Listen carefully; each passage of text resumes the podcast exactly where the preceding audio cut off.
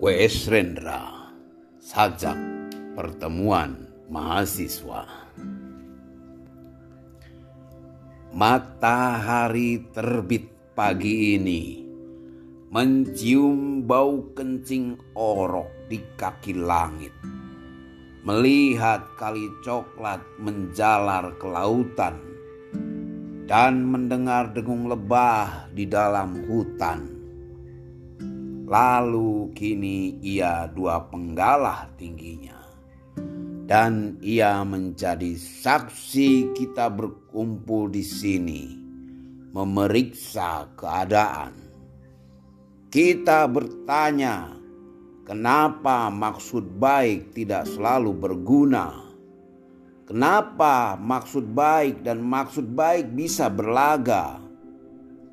Orang berkata, kami ada maksud baik, dan kita bertanya, maksud baik untuk siapa? Ya, ada yang jaya, ada yang terhina, ada yang bersenjata, ada yang terluka, ada yang duduk, ada yang diduduki, ada yang berlimpah, ada yang terkuras, dan kita di sini bertanya, maksud baik saudara untuk siapa? Saudara berdiri di pihak yang mana? Kenapa maksud baik dilakukan, tetapi makin banyak petani yang kehilangan tanahnya? Tanah-tanah di gunung telah dimiliki orang-orang kota Perkebunan yang luas hanya menguntungkan segolongan kecil saja. Alat-alat kemajuan yang diimpor tidak cocok untuk petani yang sempit tanahnya. Tentu kita bertanya, lantas maksud baik saudara untuk siapa? Sekarang matahari semakin tinggi lalu akan bertahta juga di atas puncak kepala. Dan di dalam udara yang panas kita juga bertanya, kita ini dididik untuk memihak yang mana?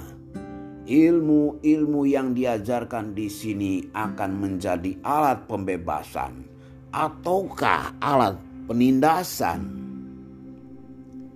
Sebentar lagi matahari akan tenggelam.